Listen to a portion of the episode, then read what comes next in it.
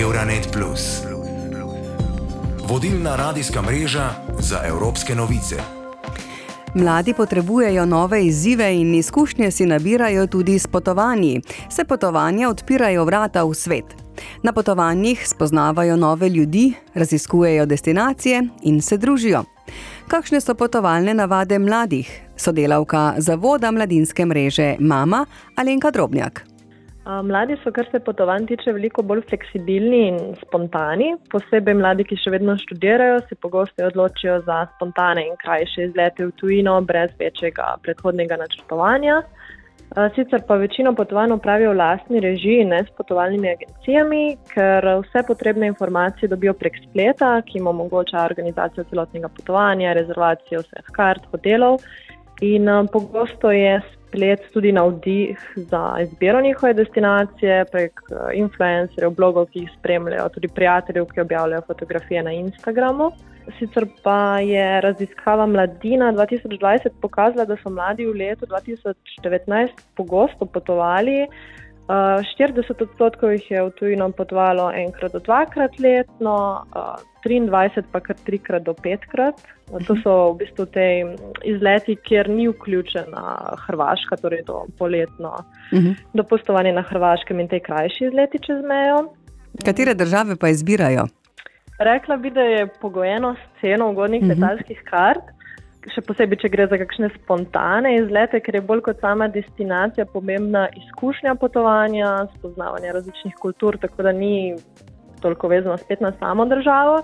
Sicer pa precej različno. Um, od oddaljenih bi rekla, da je bolj priljubljena jugovzhodna Azija, ker je tudi pač nekoliko cenejša in študentom bolj dostopna. Uh, v zadnjih letih tudi Grčija in Italija.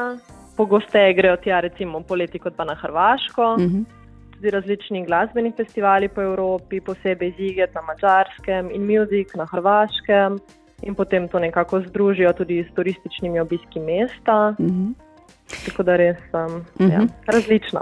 Ja, pa po zimi uh, izbirajo tople kraje ali bolj um, tiste zasnežene planjave? Se mi zdi, da v Sloveniji v zimskem času smočanje še vedno precej popularno. Eh, sicer pa opažam na podlagi svojih izkušenj in pa tudi mojih sovrstnikov, da v zimskem času manj potujemo v tropske kraje, ker so taka potovanja malo daljša ponovadi. Eh, v zimskem času pa je potem kar precej obveznosti na um, fakultetah zaradi spitnega mm. obdobja in mhm. podobno. Mm. Ja. Um, na kakšen način pa potujete, mladi? So to mm, vlaki ali z avtobusi? Avtoštop um, najbrž ni več aktualen. Ne? Niti ne. Um, se mi zdi, da so mladi vedno bolj ozaveščeni glede trajnostnih potovanj uh, in se predvsem za bližnje destinacije, recimo sosednje države ali bližnje evropske države, odločajo za pot z vlakom oziroma avtobusom. Če grejo skupaj s prijatelji, tudi z avtom, te road tripi, se mi zdi, posebej po Španiji in Portugalski, so posebej popularna, mm -hmm. ker tudi letalske karte niso več tako ugodne, kot so bile, uh, zaradi COVID-a je vedno več negotovosti. Um, tako da to, tudi Interrail, posebej med mlajšimi, mogoče neki prvi izleti, uh, so ti izleti z vlaki. Uh mhm. -huh. Potujejo v paru, skupini, kakšne so navade ali kar sami? Večinoma s prijatelji, mm. tudi v paru, uh, sami pogosteje gredo na backpacking, ker potem spoznaš prijatelje tekom potovanja v različnih hostlih in potem z njimi opraviš um, krajši del poti, potem spoznaš nove ljudi in tako. Mhm. Uh, tudi te workaway oziroma prostovoljske izkušnje, kjer sicer ni toliko potovanja, ampak se potem v sklopu tega od, pač odpravljajo na krajša potovanja po tej državi, kjer mhm. prostovoljo oziroma delajo. Uh mhm. -huh. Kako pa je z nastanitvami? Vem, v mojih časih, zelo mladih, smo samo šotorili, kempirali. Kako pa zdaj mladi, kje se nastanijo?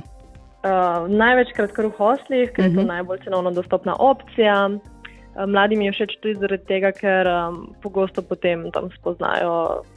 Prijatelji oziroma skupine mladih, s katerimi se lahko družijo zvečer, oziroma opravijo kakšen izlet skupaj. Uh, če so večje skupine, tudi Airbnb. Šotorjenje bi rekla, da je predvsem vezano na morje, uh mhm. -huh. recimo na Hrvaškem, um, oziroma če se gre nekako road trip, mm. zelo redko pa v hotelih, uh, ker so večinoma mladim nedostopni cenovno. Pred korono se mi zdi, da je bil tudi couchsurfing uh, še kar popularna zadeva. Um, pa veste, kam se, oziroma na koga se obrniti, če pride do kakšnih zapletov v tujini, predvsem incidentov? Mm, tu mislite v smislu poškodb? Ja, ali pa ne vem, če potujete z avionom, pa se prtljaga izgubi, kar je še posebej pogosto ne, letos v poletnih mhm. mesecih. Uh, ja, mislim, da ne vem, če mladi poznajo vse te pravice, ki jih imajo tudi v sklopu mhm. Evropske unije, recimo do teh um, nadomestnih letov, zagotavljanja um, prenočitve, če je letalo odpovedano. Ampak se vedno več o tem ozavešča. Tako da mm. verjamem, da se da tudi pogooglati. Tako in dobijo informacijo. Ja, in če ja. smo že pri spletu, na katere spletne platforme po večini objavljate svoje fotografije? Uh, tukaj predvsem Instagram, še vedno. Um, veliko je teh um, fotografij, bolj estetskih potovanj, teh storijev, se mi zdi mladim kar mislim, pomembno. Um, ne vem, kako bi rekla, lahko ta del tudi ne. ja, sej, ni problem. Uh, ja, pač Instagram je še vedno najbolj popularen za fotografije s potovanj, Facebook ne za res, to večinoma samo še starejši objavljajo. Mm -hmm. TikTok pa niti ne toliko za potovanje, ampak bolj za druge stvari. Torej, Instagram. Ne? Ja. Ja. Uh, Alenka Drobnjak, za konec samo še, če se odločite, naprimer, počitnikovati v Sloveniji, kam bi zavili? Hm, na eni strani v gore, uh -huh. uh, recimo Bovec, Bohin, Bled, to so take popularne uh mhm. -huh. destinacije, na drugi strani pa slovenska obala poleti. Ja, slovensko obalo poleti priporoča tudi kolega Dino Subašič, samostojni novinar in voditelj na radijski mreži Euronet. Pa ne samo to. V zimski sezoni so slovenska smočišča običajno polna. Poleti pa vsekakor obiščite Ljubljano ali naše primorje. Vsekakor si morate ogledati našo prestolnico, v kateri lahko najdete osupljivo arhitekturo, ki jo je ustvaril naš najbolj znani arhitekt Jože Plečnik. Morda boste želeli obiskati tudi obmorsko mestece Piran, če pa iščete dobro hrano, obiščite Panonijo, pokrajino, ki meji z Mačarsko. Slovenci smo navajeni dopustovati na hrvaški obali, saj je zelo blizu nas. Ko pa so cene na hrvaškem začele rasti, smo začeli iskati tudi drugačne rešitve. Tako da zdaj Slovence v dopustnem času najdemo po vsem svetu. Radi potujemo v Španijo, tudi Grčija je ena naših najljubših destinacij.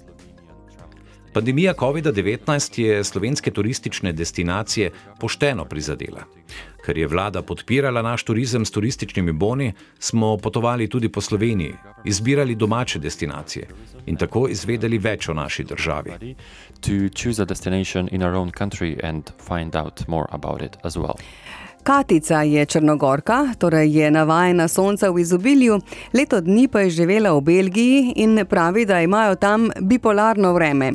Da se je nanj privadila, je potrebovala veliko časa. Pravi, da je eden izmed pogojev, ko načrtuje svoje potovanje, ugodna klima. Kolegu Dinu je razkrila načrt poletnih raziskovanj v Črni Gori.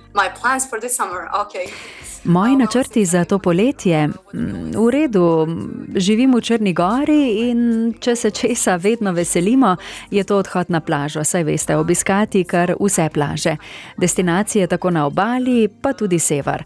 Torej, imam ta načrt v mislih skupaj z drugimi stvarmi, ki jih moramo praviti in z veliko pravili, ki jih trenutno opravljam. Ampak eh, moj plan je vedno obiskati zaliv Boka Kotorska, ki je najlepši kraj v Črni Gori, bi rekla.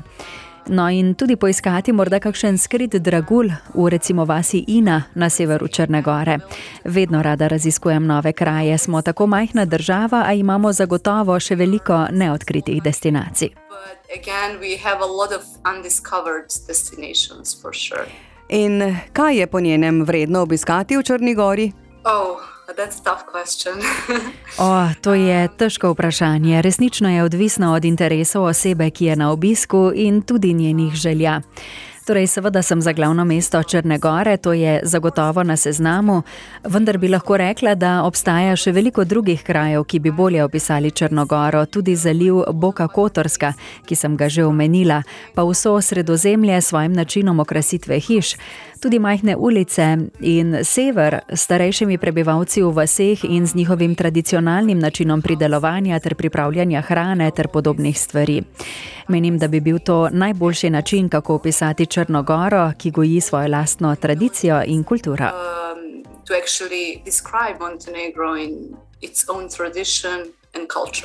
Katica iz Črne Gore še pravi, da je na njenem seznamu turističnih destinacij tudi Portugalska in če se ji bo načrt izšel, bo to dežela obiskala že oktobra. Meni, da je to popoln mesec za poceni potovanje. Euronet Plus za boljše razumevanje Evrope.